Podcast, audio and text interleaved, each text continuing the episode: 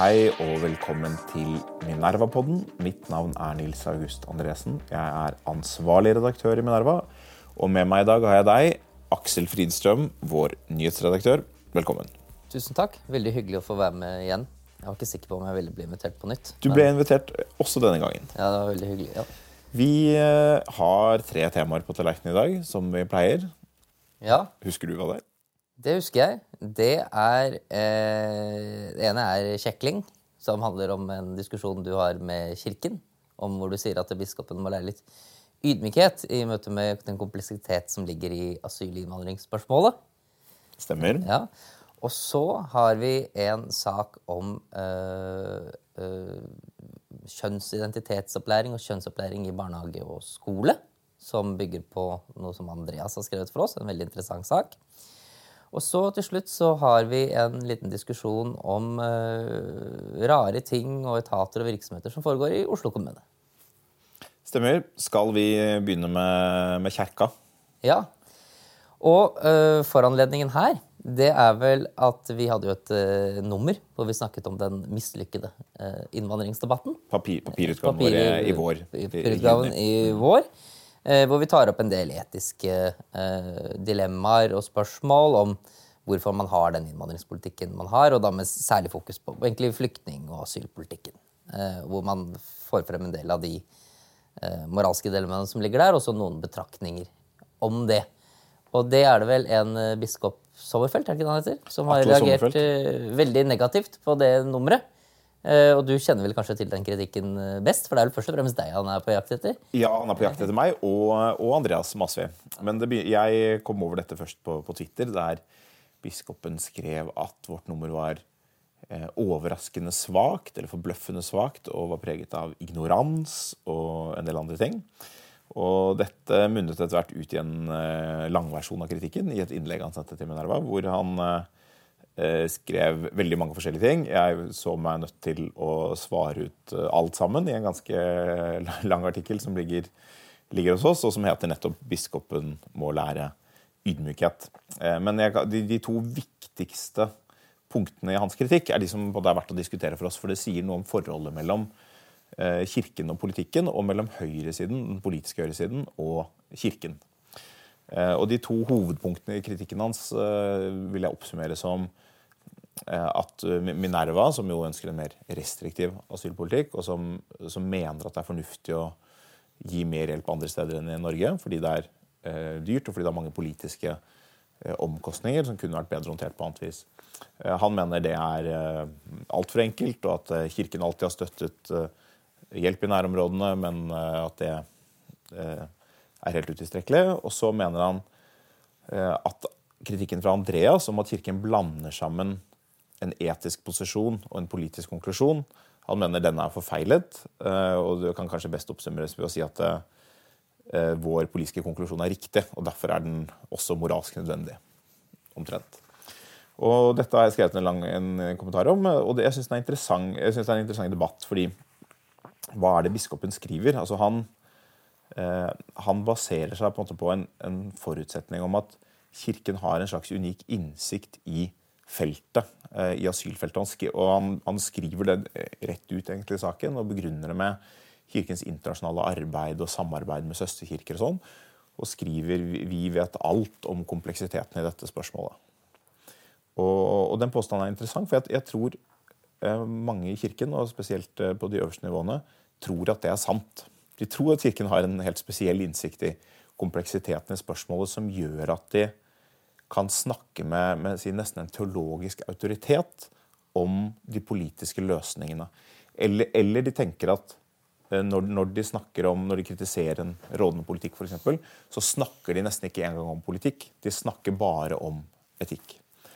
Eh, og Det er det flere eksempler på. Biskopen etterlyste det. Eh, ja, hvem har no, når har vi noen gang fordømt våre motstandere som umoralske? Han gjør det jo egentlig i teksten selv, men, men helt eksplisitt har det jo kommet fra tidligere preses eh, Helga Byfuglien, som, som sa med et bitte lite forbehold, så sa hun eh, om, om et EU-initiativ for å ha asylprosessering og mottaksleire og flyktningleire i tredje land. sa hun hvis vi gjør dette for å kjøpe disse menneskene bort fra våre liv, så er det dypt umoralsk. Og, og Preses har også kritisert regjeringens asylpolitikk for å være brudd på nestekjærlighet og andre ting. Og biskop Sommerfeld følger opp dette i kritikken mot Minerva ved å, si, ved å si det er brudd på Moseloven, som sier at man skal ta imot fremmede osv. Og det interessante er, altså, jeg, jeg mener at biskopens kritikk er helt forfeilet, eh, fordi det er helt avgjørende elementer av kompleksiteten i asylpolitikken han ikke viser noen interesse for eller forståelse for. Hvilken kompleksitet er da i så fall? Altså, hva, er det du mener blindsiden er? da? Ja, Eksempler. Altså, en av de store argumentene mot dagens asylpolitikk. Det, det, vi kan dele med mange, det er mange ulike typer. Men la oss begynne med økonomi. Eh, når Norge bruker eh, Hvis vi baserer oss på disse SSB-utregningene som, eh, som, ble gjort i forbindelse med Brochmann, Brochmann-utvalget, eh, så Masse forutsetninger, det er vanskelig å si hva man skal regne på det, men jeg vil si et rimelig anslag er å si at de årlige kostnadene er kanskje rundt 30 milliarder kroner på eh, mottak av flyktninger eh, og alle de sosiale kostnadene knyttet til det i Norge. På flyktninger internasjonalt bruker vi kanskje 2-3 milliarder. Eh, det økte litt under Syria, så det går litt opp og ned, men det er i, den størrelsesorden. Så Det betyr at 90% av kostnadene vi bruker på det globale flyktningproblemet, det bruker vi på den gruppen som får opphold i Norge. Som er det varierer jo selvfølgelig, men mellom 5000 og 15 000 mennesker årlig. Men, men det er diskutabelt om det er den mest Eh, kostnadseffektive måten å yte hjelp på. Det er vel litt av ja. Definitivt. Eh, og, dette er, og, det, og, det, kan man si mange ting om. Det som er interessant med biskopens eh, håndtering av dette spørsmålet, altså det store økonomiske integrasjonsutfordringskomplekset, det er at han, han berører det helt overfladisk. Han, henviser, han, har en helt irrelevant henvisning til en nobelprisvinner i økonomi som skriver om noe helt annet. Og så sier han noen av de, Det finnes flotte flyktninghistorier, som om liksom vi som er mer kritiske, ikke anerkjenner det. Han kommer med eksempelet Farouk al-Qasim, eh, en irakisk eh, oljeingeniør, som, som, geolog, som kom til Norge i 1968 fordi han var gift med en norsk kvinne. Eh, og ble viktig for oppbyggingen av norsk oljeforvaltning. En fantastisk suksesshistorie. og Det er jo veldig hyggelig at, at Kirken for en sjelden gangs skyld anerkjenner betydningen av norsk sokkel og hvor, og hvor viktig det har vært for, for utviklingen av et godt samfunn. Men, men Eh, det er også helt useriøst i en diskusjon om eh, den samlede kostnaden ved, ved dagens asylpolitikk. Så det er på en måte sånn, du, du, håndterer ikke kompleksiteten i dette problemet hvis du har en så lemfeldig holdning til den økonomiske komponenten.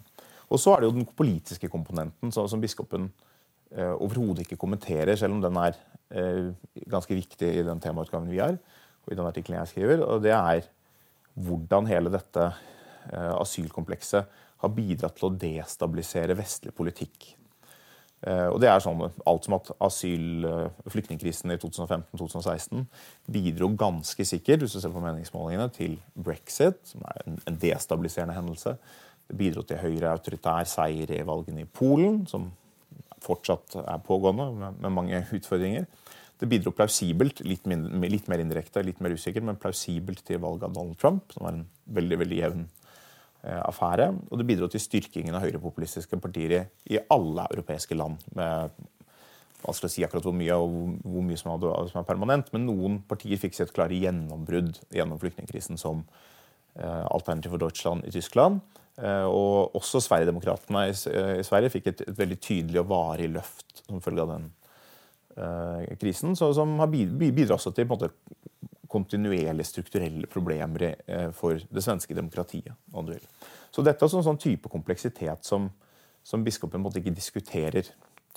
Eh, og, og, Da er det også vanskelig å si at man på en måte kan diskutere godt forholdet mellom hva vi skal gjøre her og hva vi skal gjøre der. fordi det handler om hvordan vi bruker våre samlede ressurser eh, på en god måte.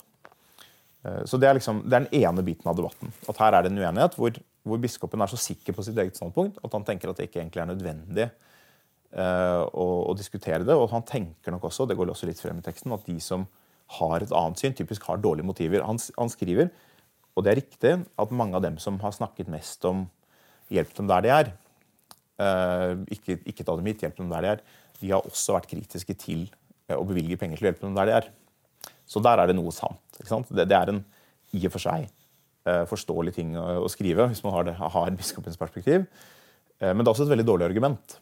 Eh, substansielt argument. fordi hvis vi, burde, hvis vi burde bruke mer penger på eh, hjelp i enten nærområdene eller bosetting andre steder, eh, så burde vi det. Og da, da, og da er utfordringen for oss som mener det, det er jo å si her er, her er pengene. Men, men, man, kan ikke, eh, man kan ikke slutte at de som da hevder det, hva sier det vi sier, eh, er enten rasister eller kunnskapsløse, som jeg tror Kirken ganske fort gjør. Men er det ikke en sånn relevant en sånn gnisning her mellom type litt sånn kristen dygdsetikk og eh, konsekvensetikk? da? For at liksom, liksom, dine, dine, argumenter er, er, veldig fundert i konsekvensetikken. Mens eh, hvis man liksom tar Nå har ikke han biskopen han bruker ikke det eksempelet direkte, men jeg synes det er en sånn interessant fortelling fra, fra Bibelen der hvor Jesus sitter, sitter utenfor tempelet, og så er det liksom, kommer de ulike og gir gaver. da. Og det som liksom er den største gaven, er jo en fattig kvinne, men hun gir liksom hele sin formue da, til tempelet. Og det er mye bedre enn de rike velgjørerne, for at hun har jo gitt den gaven som smertet henne personlig mest. Mm. Eh, og eh, ut ifra en sånn logikk så er det jo liksom i og for seg litt sånn, Ut fra den logikken så blir det jo riktig, sånn som Kirken sier at det er veldig dumt å kjøpe seg ut av det og, og, og ha en kostnadseffektiv flyktning- og asylpolitikk. For det innebærer jo nettopp at det da smerter det deg ikke mest. ikke sant? Så ut fra en sånn intern logikk så, så virker jo det, det, det, de sier, liksom logisk, da. Jeg bare vet ikke om den, den logikken er, er den beste logikken å anvende på alle tenkelige politiske spørsmål. Ja, det er en interessant og, god innvending. Uh, altså, jeg, jeg, er ikke sikker på at uh, den beste handlingen uh, per definisjon er den som smerter mest. Det hørtes, hørtes i overkant sånn parodiert kantiansk ut. Men Eh, men noe, det, er, det, er, noe dygdsetisk i den kristne etikken. Eh, det er det. Men, men det, er ting jeg, eller tre ting som jeg vil si i forhold til det. og det er at eh, For det første så er kristen etikk ikke bare dygdsetikk. Altså det er, Jesus sier på, på fruktene skal treet kjennes. Og hvis du har veldig, veldig god dygd, da, vi skal ta imot mange flyktninger her, og resultatene er ganske dårlige, så må man ta hensyn til det. Og resultatene er dårlige. Fordi dagens flyktningpolitikk innebærer Eh, for det første veldig farlige fluktruter. Altså at folk legger ut på disse rutene for å komme hit. Ganske store dødstall i Middelhavet, de, spesielt i de verste. Altså jo flere som kommer, jo verre er dødstallene.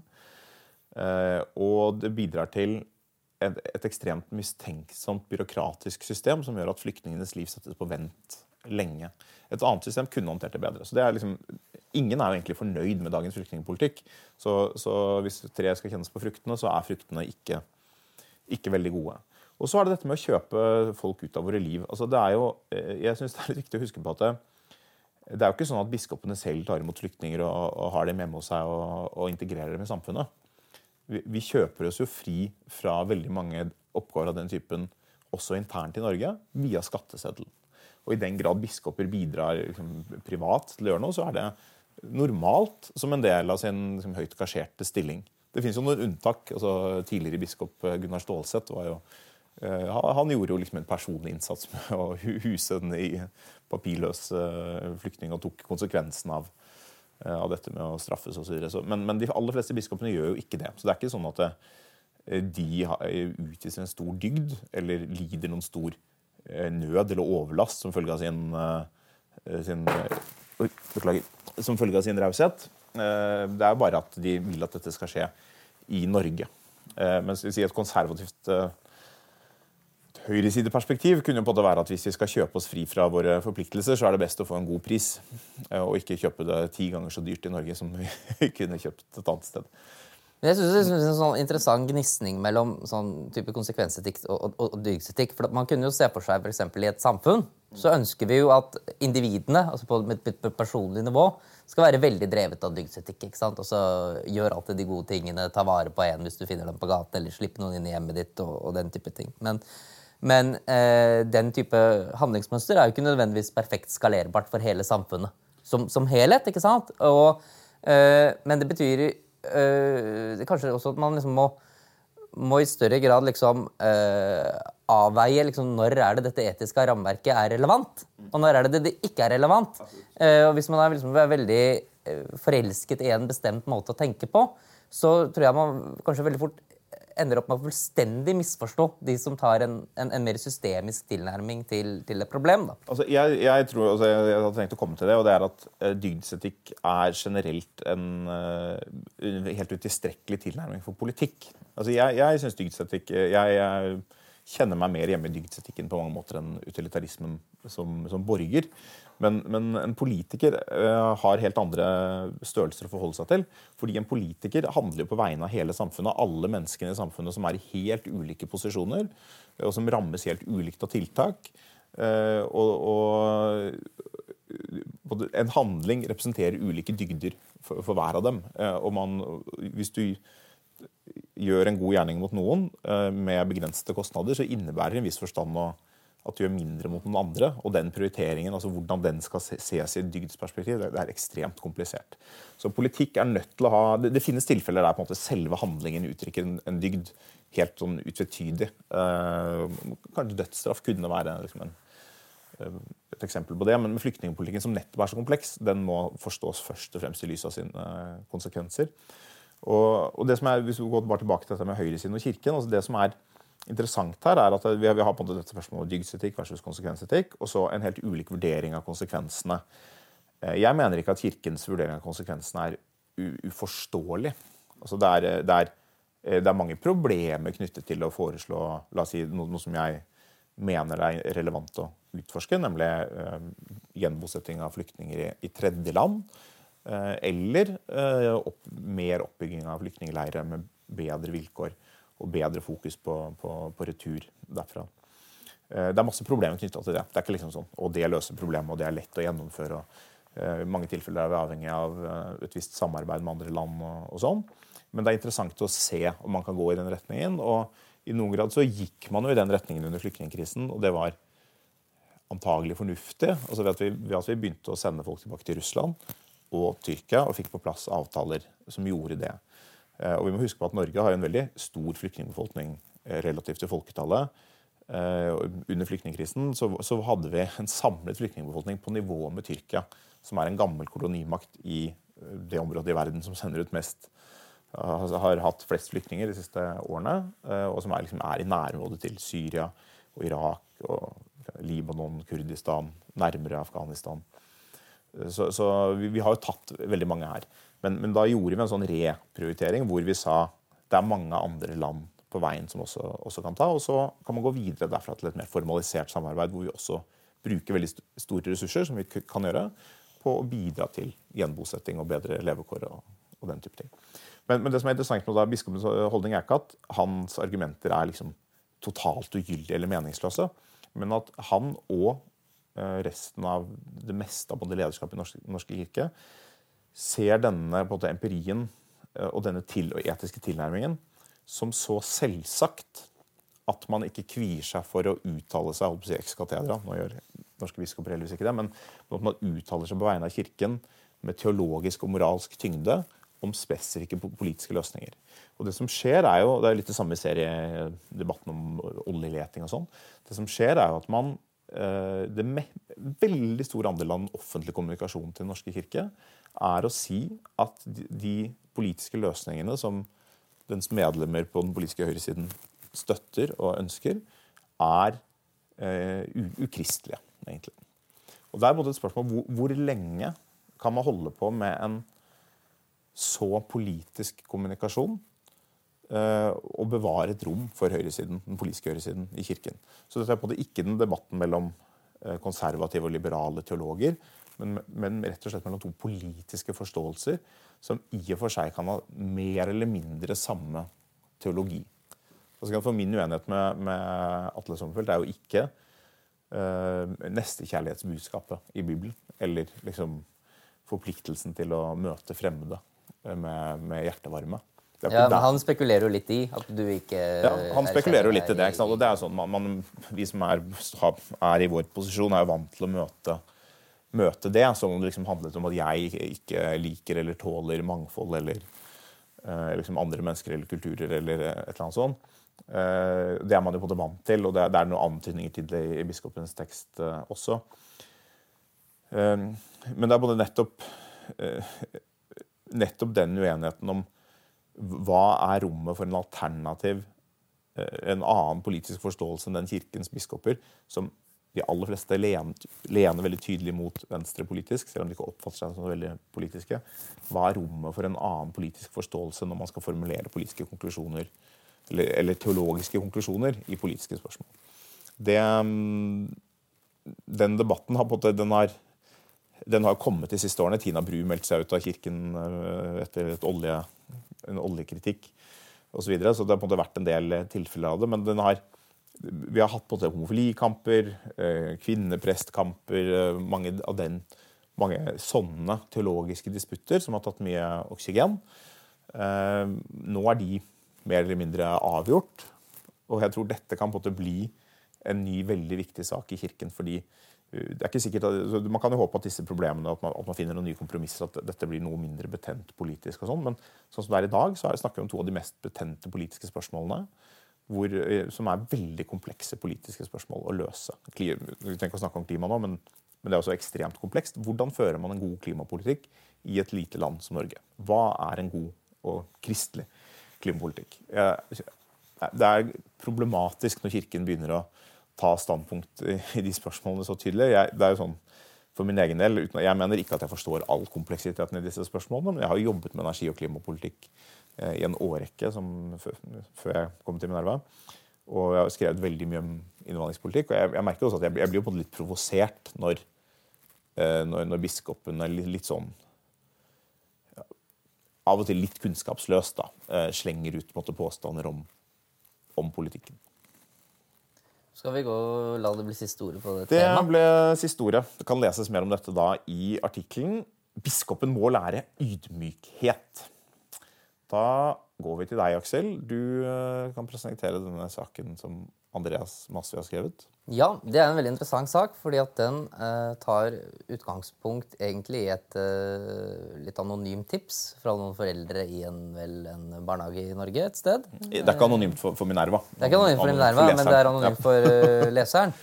Som eh, eh, da opplever at deres vel tre-fire år gamle barn plutselig insisterer på, eller mener at det har et annet kjønn enn enn sitt somfødte kjønn, eller biologiske kjønn. Eh, og så har jo foreldrene de eh, har jo ikke nødvendigvis liksom, selvfølgelig hatt noen bekymring eller kvaler rundt det, men ikke nødvendigvis koblet det direkte til, til barnehagen.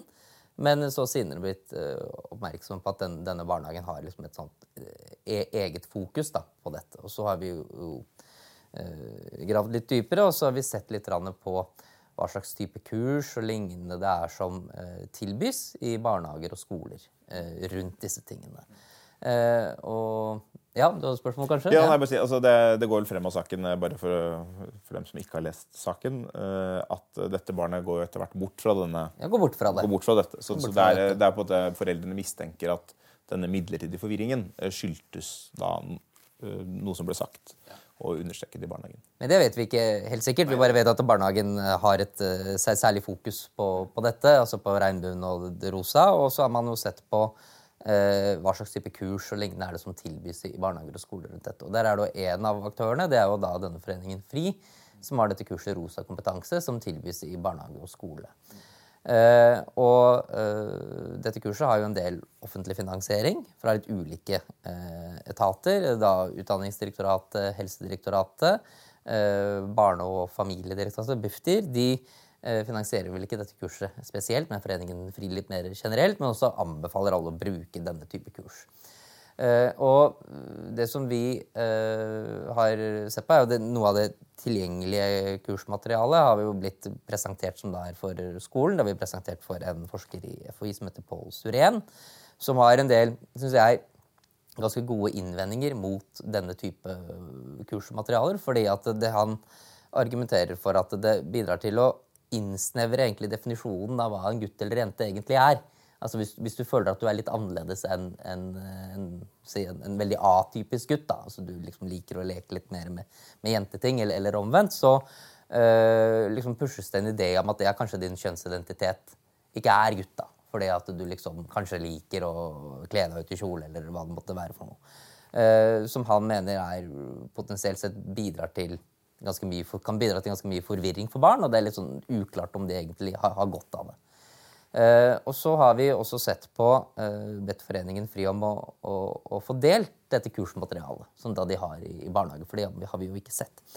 Eh, og det vil jo Foreningen FRI eh, ikke gjøre, med den henvisning til at eh, dette kursmaterialet så, så lett kan misforstås hvis det liksom ikke akkompagneres med en foredragsholder fra Foreningen FRI. Og jeg synes det også er, er veldig spesielt, for hvis man mener at det eget kursmateriale kan så veldig lett misforstås, altså er det da egentlig så veldig lurt å ta det med inn i en, i en barnehage? Eh, det er jo liksom det ene. Og så er jo det andre at vi har spurt eh, disse ulike offentlige etatene om de egentlig eh, kvalitetssjekker dette materialet og ser på det, for de liksom anbefaler det. Eh, hvor de egentlig bare peker på hverandre, da, for det er jo ulike offentlige virksomheter som, som holder på med dette. hvor peker, nei, Det er den andre etaten sin, sin oppgave. Eh, og det syns jeg jo også er veldig spesielt, fordi at eh, jeg har liksom min, min tvil om eh, hvor hensiktsmessig det er én ting er å ha med masse ideelle og potensielt politiserte aktører inn i skoler og barnehager. Og hvis du først inviterer den type aktører inn, så bør du i hvert fall følge ganske nøye med på hva er det de egentlig liksom underviser om. Eh, så jeg opplever at dette liksom fremviser en slags område innenfor norsk politikk som fremstår som om det er litt, litt utenfor kontroll. Og, og, hvor det har en påvirkning på velferdstjenester som skole og barnehage som jeg tror veldig mange foreldre egentlig er ganske ukomfortable med. Så det er liksom det som vi, vi får frem her. Og hvor det også er heller tvilsomt da, altså at de eh, norske fagpersonene som jobber med den type spørsmål, f.eks. i FHI, er, er veldig kritiske til dette innholdet, men likevel så får det liksom lov å pågå litt usett. Jeg vet ikke hvilke refleksjoner som du har om denne Ja, jeg diskuterte denne saken litt. Jeg, har ikke vært med å jobbe med denne saken, men jeg havnet på Twitter i går og diskuterte den litt der. La, meg komme med noen av de innvendingene vi, som vi møtte der. Um, altså, bare aller først, vi, eh, vi har jo ikke kunnet verifisere at eh, den, det caset som innleder saken, eh, at den barnehagen faktisk hadde hatt kurs med rosa kompetanse. Og det, det fikk vi kritikk for. Eh, Altså, årsaken til det er jo veldig enkel. og det er at vi, vi ønsket ikke å henvende oss til barnehagen fordi det ville være et kildekonfidensitetsproblem. Eh, Kildevernet er, står, som, eh, som man vil vite, veldig sterkt i mediene. Eh, Og Rosa kompetanse fri ønsket heller ikke å, å fortelle oss hvilke barnehager de hadde holdt kurs i. Så Derfor var det på en måte ikke mulig for oss å få gjort den verifiseringen. Og det, så det er på en kritikk som det, i for seg, hadde vært bedre for saken om vi hadde visst det, men det er et eksempel på at vi, altså Fri har helt sikkert sine grunner for at ikke vi ikke oppgir dette, men, men vi har vel kanskje opplevd at Fri ikke har bidratt så veldig åpent til å belyse de spørsmålene vi har hatt. Og det, det har på en måte gjort at saken har fått fremstår som mer mistenksom enn en kunne gjort hvis de hadde svart mer, mer forthcoming.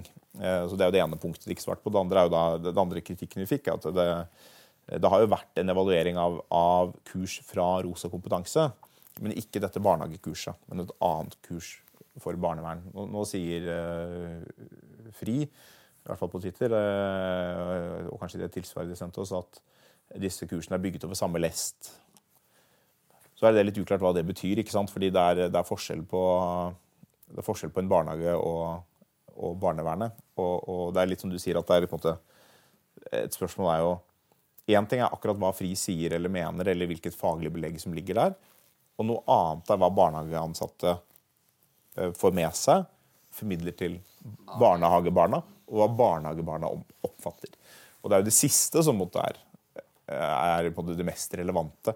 Men det, blir, det blir vanskelig å bedømme for oss, både om disse kursene er over samme lest, og hva, hva barnehagekurset egentlig, egentlig er, når man ikke får denne liksom, når man ikke får, får sett noe kursmateriale. Jeg tror det er veldig uklokt. Jeg tror alltid er veldig uklokt. Det, kan gjelde alle som noen gang blir kontakta med Nerva. Det, det, det, er alltid uklokt ikke å dele ting med en journalist. Altså, fordi saken vil jo bli laget, og hvis du ikke deler, så, så får du ikke gitt ditt bidrag til å opplyse den. på en måte. Så, men jeg, jeg tror det, det er et interessant punkt her, er det du sier med at man har eh, denne type aktører som, som er politiske. Dette er en aktivistorganisasjon som har en rekke ting på agendaen som er, eh, som, hvor de ønsker å endre norsk politikk ikke sant? på dette feltet. De har, noe har, har, man fått gjennomslag for, andre ting eh, ønsker man å gå, gå videre med. eh, og som har vært involvert i en ganske betent politisk strid som vi har skrevet om før, om den såkalte retningslinjen for behandling av, av transpersoner. Hvor de har hatt en konflikt med FHI. Så det er en konflikt mellom FHI og, og FRI. De har ulike syn på, på dette. Eh, men det er en, sånn sett en politisert aktør. da, og og jeg er ikke imot at barn skal lære om transkjønn eh, i skolen. og det, det, er på en måte naturlig at man gjør på et eller annet punkt, fordi eh, altså I Norge vi har juridisk kjønnsskifte, og, og det vi, vi, har et behandlingstilbud for, for eh, barn med kjønnsdysfori. Så, så, det er på en måte naturlig at det på et eller annet punkt blir kommunisert. Men spørsmålet er hvem kommuniserer det, hvordan kommuniseres det? og eh, og, og, så er det spørsmål er det åpenhet om dette. Fordi, nettopp fordi det er, det er et omstridt spørsmål i samfunnet som har en rekke vanskelige avveininger, ikke minst når man skal snakke med barn om det. Og det er, det er som du sier, som, om, som Pål Syren eh, sier til Minerva, at det er et, et spørsmål forholdet mellom kjønnsidentitet og kjønnsroller. Det, hvis du spør en transperson hva er forskjellen, så vil de jo si, si veldig klart og tydelig at det er en forskjell, men, men den konseptuelle forskjellen eh, er ikke liksom et objektivt faktum. Eh, det, det, og det kan, være, eh, det kan være vanskelig både sånn, fra et faglig perspektiv hvordan forstår vi egentlig forskjellen, men ikke minst for et barn å forholde seg til hva forskjellen er. Ja, så er Det jo også, eh, det er en veldig fin balansegang mellom det å én generere en slags Jobbe for at en toleranse og en aksept for at andre er annerledes og kanskje har en annen kjønnsidentitet enn sitt biologiske kjønn. Det er jo én ting. Men veien fra det til å eventuelt generere misforståelser hos barn, da, hvor de eh, kanskje feilaktig oppfatter seg som at de ikke har sitt eget samfødte kjønn, det er eh, den, altså, Distansen mellom de to er ikke nødvendigvis så veldig lang. Eh, og du risikerer veldig fort å bidra til å skape denne misforståelser. Som det er vanskelig å argumentere for at barn egentlig har godt av. Det er liksom Hans Surens poeng. og Eh, hans andre poeng, som, også, som er, jeg synes er veldig interessant, er at han sier at veldig mange fagpersoner de, de kvier seg for å ta i denne problemstillingen, fordi de er veldig redd for å liksom bli, bli, oppfattet som reaksjonære. Eh, som jeg syns også er eh, kanskje litt av grunnen til at også mange av disse kursene liksom passerer litt sånn usett rundt omkring i, det offentlige systemet. Ja, altså dette, er, dette er en diskusjon nå i Storbritannia, hvor uh, en tilsvarende organisasjon, uh, Stonewall, har fått en ifølge kritikere Jeg kjenner ikke britisk politikk godt nok, men ifølge kritikere har fått en veldig tydelig rolle både i å definere hvordan mange eh, offentlige og kvasi-offentlige organer håndterer dette. Der de gir sånne eh, rankinger på diversity index og forskjellig sånn, som, som, ulike offentlige organer forsøker å leve opp til. Som da inneholder, eh, inneholder ting av denne typen. Og det, det, var en sak i avisen i Norge, et opprop av noe slag om at man burde ha flere Eh, frisoner, var det det det het? Liksom, som er eh, steder med arbeidsplasser og andre kan få sertifisert på sin, sin mangfoldskompetanse av FRI da, ved å gjennomgå et kurs og liksom, bli, bli rosa kompetanseområder eller friområder. Og det er jo på en litt sånn det, det, forutsetter jo at man har en ekstrem tillit til at deres tilnærming er den rette. Uh, og det skal på ikke så veldig mye til før, før mange bedrifter og offentlige etater og sånn, ja, vi må ta et sånt sertifiseringskurs. eller vi må, liksom, vi må, gjøre det, vi også, for vi skal ikke være hatere. Og, Sverige er jo dette enormt. Ja, altså det, det, er liksom, det, er, det, er en industri der. Og, og jeg skjønner hvor den kommer fra. Altså, jeg, jeg, skjønner Jeg er ikke blant dem som måte, hater mangfoldstrening. Det er en utfordring for, for, mange bedrifter at man må lære seg hvordan man skal jobbe med sånne ting. Det skjønner jeg. Det som er litt av problemet, er at det, eh, det er mange omstridte ideologiske og faglige spørsmål som er legitime debatter, eh, og som må føres videre. Ikke altså et, et, stort, det er som Suren sier, altså Trans-spørsmålet eh, er et spørsmål der det er veldig mange faglig ukjente variabler. Som man må, må, forske mer på åpent. Når man forsker, så må man kunne komme frem til alle svar. Ellers så er det ikke forskning. Eh, og hvis Eh, den, den, aktøren som er viktigst for å liksom, forme hvordan institusjonen forholder seg til spørsmålet, er eh, veldig veldig tydelig på en ideologisk side, så, så minsker man det rommet. Og det, det, er en veldig tydelig utfordring. Og så, så er det en ting til når det gjelder dette i barnehagene, som, som gjør at, blir, at det blir et problem om det er litt skjevt. fordi man må huske på at det, er, det, det Fri nok vil være opptatt av, og som er et veldig viktig poeng, det er at det, transpersoner og transbarn som, som fins, er en veldig sårbar gruppe. Som, som, eh, som kan være, ha veldig store problemer med å finne eh, en selvfølelse eh, og et trygt selvbilde, en trygg kjønnsidentitet. Eh, så det er viktig på en måte å ha, kunne ha kommunikasjon til dem. Men det som gjør det komplisert, er at det er også en veldig veldig liten gruppe. Så Det er vanskelig å si akkurat, eh, akkurat hvor mange, men la oss si at det er liksom mellom en, mellom en tiendels promille og en promille. Kanskje noen få promille. Uh, liksom, men mer enn en halv prosent tror jeg ingen liksom vil, vil påstå. Da, da, tror jeg man er helt i Det, det er nok for, for høyt da, på, på omfanget av dette. Du har andre termer, ikke-binær, litt forskjellig, men, men, men, men, det er liksom omtrent der det ligger. Og Det betyr at det, hvis et sånt opplegg har negative konsekvenser for bare en veldig liten andel, for bare en prosent liksom, av eh, SIS-barna, for å si det sånn, eh, så er, det veldig, så er det allerede flere enn det du potensielt kan hjelpe. Hvis, og det er da forutsatt at dette kurset faktisk også hjelper. Det er jo slett ikke sikkert. Det er ikke, ingen tiltak er 100% effektive i å hjelpe. Så det, en, sånn, det ligger en sånn kost-nytte-analyse der som kan kanskje virke litt umusikalsk. Tilbake til, til uh, utilitarismen.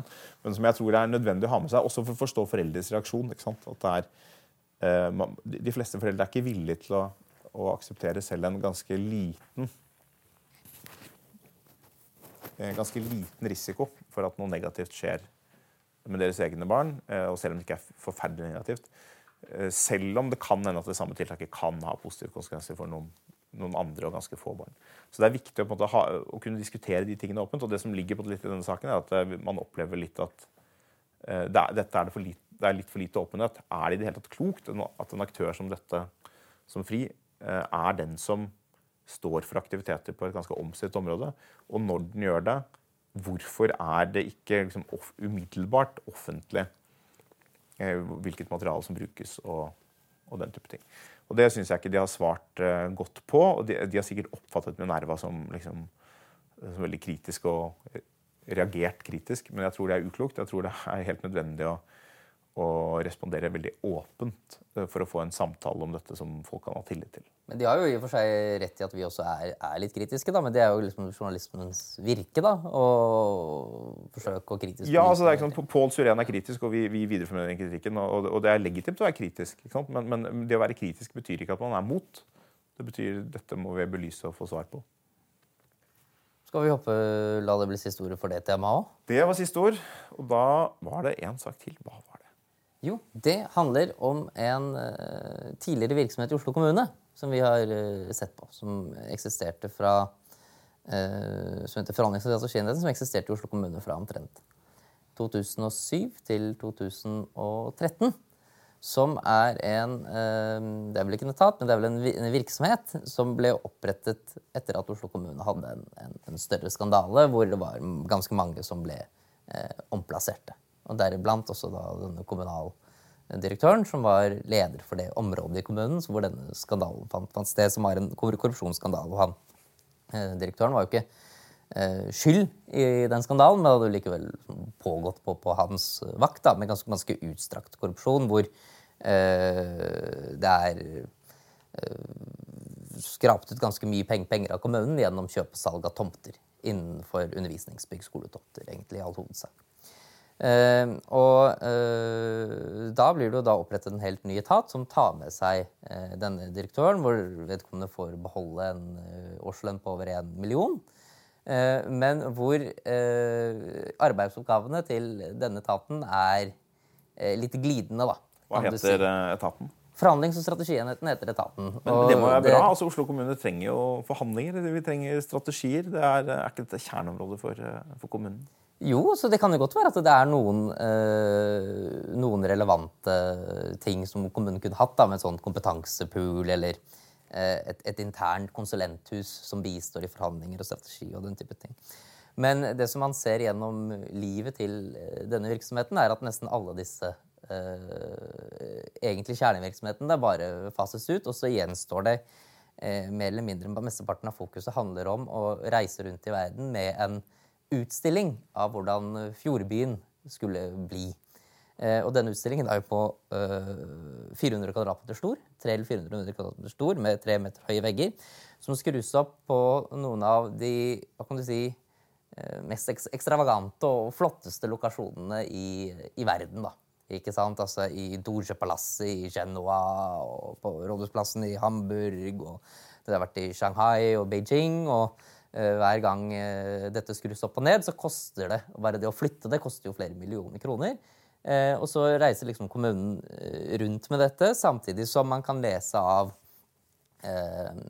sakspapirene eller interne notater f.eks. For, Oslo Havn, da, som er en av de som deltar på, på disse utstillingene, at de egentlig ikke mener at dette egentlig er spesielt relevant, men når det først liksom skal brukes fire millioner på å stille ut dette i St. Petersburg eller Genova, så kan vi godt sende noen, og så sender de liksom tre-fire stykker med, til en regning på en uh, kvart million. Da, ja, de fikk med seg et godt uh, budsjett til spise, spising og drikking.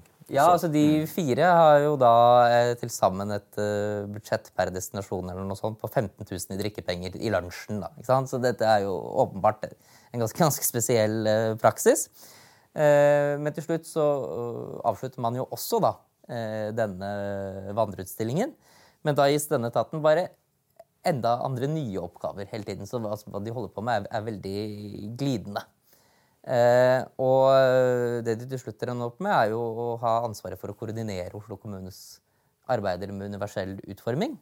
Eh, hvor de skal lage noen nettsider eh, internt og eksternt. De skal ha noen kurs. De skal arrangere noen møter eh, hvor nesten ingen av disse tingene skjer. Fordi at etaten klarer ikke å bli enige om hvem det er som skal betale for at eh, kommunalt ansatte går på kurset. De eh, bruker et halvt år Nei, over et år. Nei, ett år. Altså de, de, får oppgaven i starten av 2011 og kaller, klarer ikke å kalle den til et møte. For i desember samme år så bruker de ett år på å kalle den til et møte. Uh, og... Det kjenner meg veldig igjen i det for seg. Så sikkert mange der ute som kjenner seg igjen at man prokrastinerer litt. Grann. Ja, men hvis det er din eneste arbeidsoppgave, er det selvfølgelig litt Hvis, det, hvis din eh, eneste arbeidsoppgave er å kalle inn til det møtet, så er det jo litt rart at det tar elleve måneder å gjøre det, da. Men eh, så eh, Vi har jo litt sånn forsøkt å også, også forsøkt å belyse altså hvorfor, hvorfor har eh, en kommune som Oslo kommune en, en, sånn virksomhet? Altså Nå er den jo lagt ned, for den er jo definert som, som overflødig.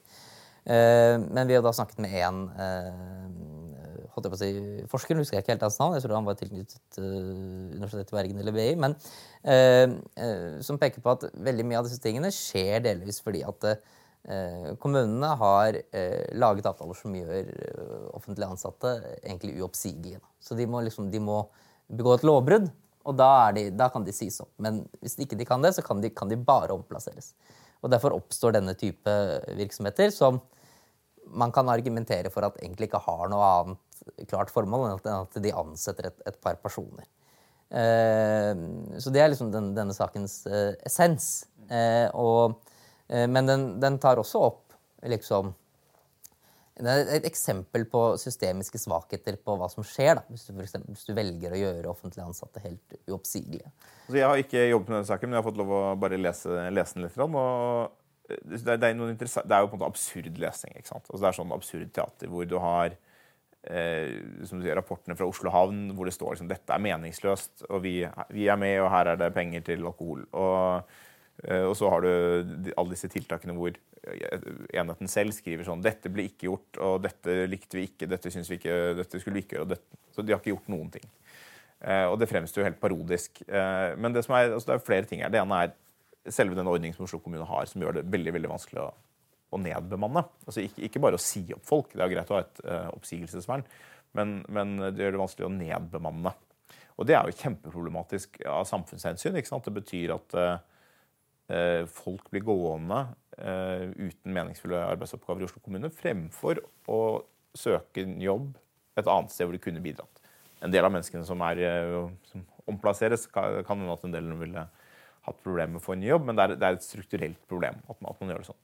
Det andre man ser, er på en måte at det, istedenfor å da si, kalle det liksom overtallig-etaten, eh, og så si her er et eh, lite kontor, her er en kaffeautomat, prøv å ikke plage noen, så igangsetter det prosjekter med budsjetter og, og en form for konsekvenser Altså, de har denne enorme utstillingen som, som det helt sikkert er noen i kommunen som har tenkt at var en god idé, liksom, uavhengig av denne. Altså, utstillingen oppsto før ja, denne etaten, men før. den blir jo forlenget. forlenget. Så, men, eh, men, det er sånn eh, det er jo sånn når man ser på offentlige budsjetter, alle vil jo krangle på sine ting som kan kuttes, men det finnes jo et enormt rom av denne type tiltak som pga. budsjettposten de havner på, eh, ikke utsettes for den samme måte, kritiske granskingen kan du si, da, som mange andre budsjettposter. Som må kutte og spare. Og så, så. Hvis de skal kutte, så blir det sånn ABE-kutt. Kutt 2% på, på denne meningsløse utstillingen.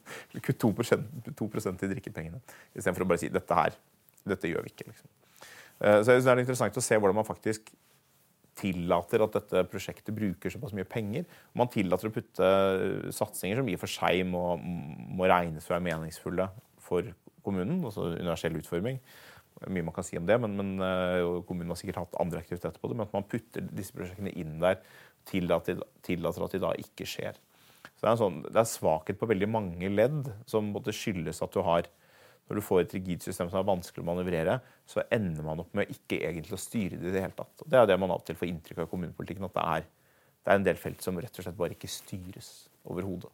Ja, for her virker det jo litt sånn, altså sånn som jeg tenker, på, For Oslo kommune som helhet så virker det som om de driver en, slags sånn interndrift av Nav. Altså Normalt sett så ville det jo vært hvis blir, jeg blir sagt opp da, for eksempel, av deg, så ville jeg måttet henvende meg til Nav. Så hjelper det liksom Nav meg å få meg en ny jobb. Oslo kommune sier at nei, alle er uoppsigelige, egentlig. Og så har vi hele driften av Nav internt i kommunen med et system der hvor øh, folk egentlig ikke gis noe incitament til å skaffe seg et jobb utenfor kommunen. Dersom kommunen mener at uh, vedkommende ikke er kompetent eller egnet eller overflødig til å, til å løse en eller annen øh, oppgave som kommunen kan eller ikke kan ha. Og det, man kan jo se for seg f.eks. Altså, nå er det ikke bare etatsdirektører som potensielt sett blir, blir overflødige, men la oss si at det, uh, kommunen skal nedskalere driften sin av sykehjem. Da, for det er kanskje der, der færre gamle. altså det er ikke det tilfellet, nå vet vi at det blir færre gamle, men la oss tenke eksempel hvor det blir færre gamle. Så vil man kunne si at da er vi nødt til å si at noen av de som arbeider på disse sykehjemmene, er per definisjon overtallige og unødvendige. Eh, og det mest logiske da, selvfølgelig er at kanskje de søker en jobb i Bærum eller i Lillestrøm eller i Ski. eller hva det måtte være, Men da sier jo kommunen heller at nei, de er faktisk på, på vår lønningsliste for, for, alltid. Helt til vi kan finne en eller annen oppgave for dem. Og Det er jo også en, en demobilisering av verdifull arbeidskraft. da, til liksom... Det, det ligger jo et lite problem her. og det ligger jo at det, Alle arbeidstakere har jo rett til ved, ved nedbemanning å få fortrinnsrett til nye stillinger som oppstår liksom, umiddelbart. Sånn at man ikke skal bruke liksom, fiktive nedbemanninger for å si opp folk. Men så har du problemet da, i enorme virksomheter som Oslo kommune, med mange mange, jeg vet ikke hvor mange ansatte der, titusenvis? 50 000. 50 000. Det vil jo alltid være en ny jobb et eller annet sted. ikke sant? Eh, men det kan være en helt annen kompetansefelt. så Hvis du sier opp en sykepleier, så, så er det en ny jobb et eller annet sted som personen ikke er direkte kvalifisert for. men men uh, man kunne liksom tenke seg at man kunne lage en arbeidsrettssak og si jeg kan faktisk utføre den jobben, jeg kan sitte på et sentralbord eller jeg kan gjøre et eller annet sånt. Og i stedet har, så har man sagt ok, dette er uansett et problemområde, og så har man gått med på en avtale der de faktisk er uoppsigelige, ikke kan nedbemannes. Og det, er en, uh, det skaper mange, mye rot, men, det, men, man skulle jo tro også at dette skapte mye, mange muligheter for morsom journalistikk, uh, egentlig. Vi får se om det finnes flere, flere lik i lasten fremover, kanskje? Det finnes mange sånne eksempler, men kanskje ikke så eklatante. da. Ja. Uansett, eklatante, dette eklatante eksempelet kan man nå lese på våre nettsider. Ja, og det konkluderer vel kanskje også dagens Mineralfotball. Det gjør det. Takk for oss.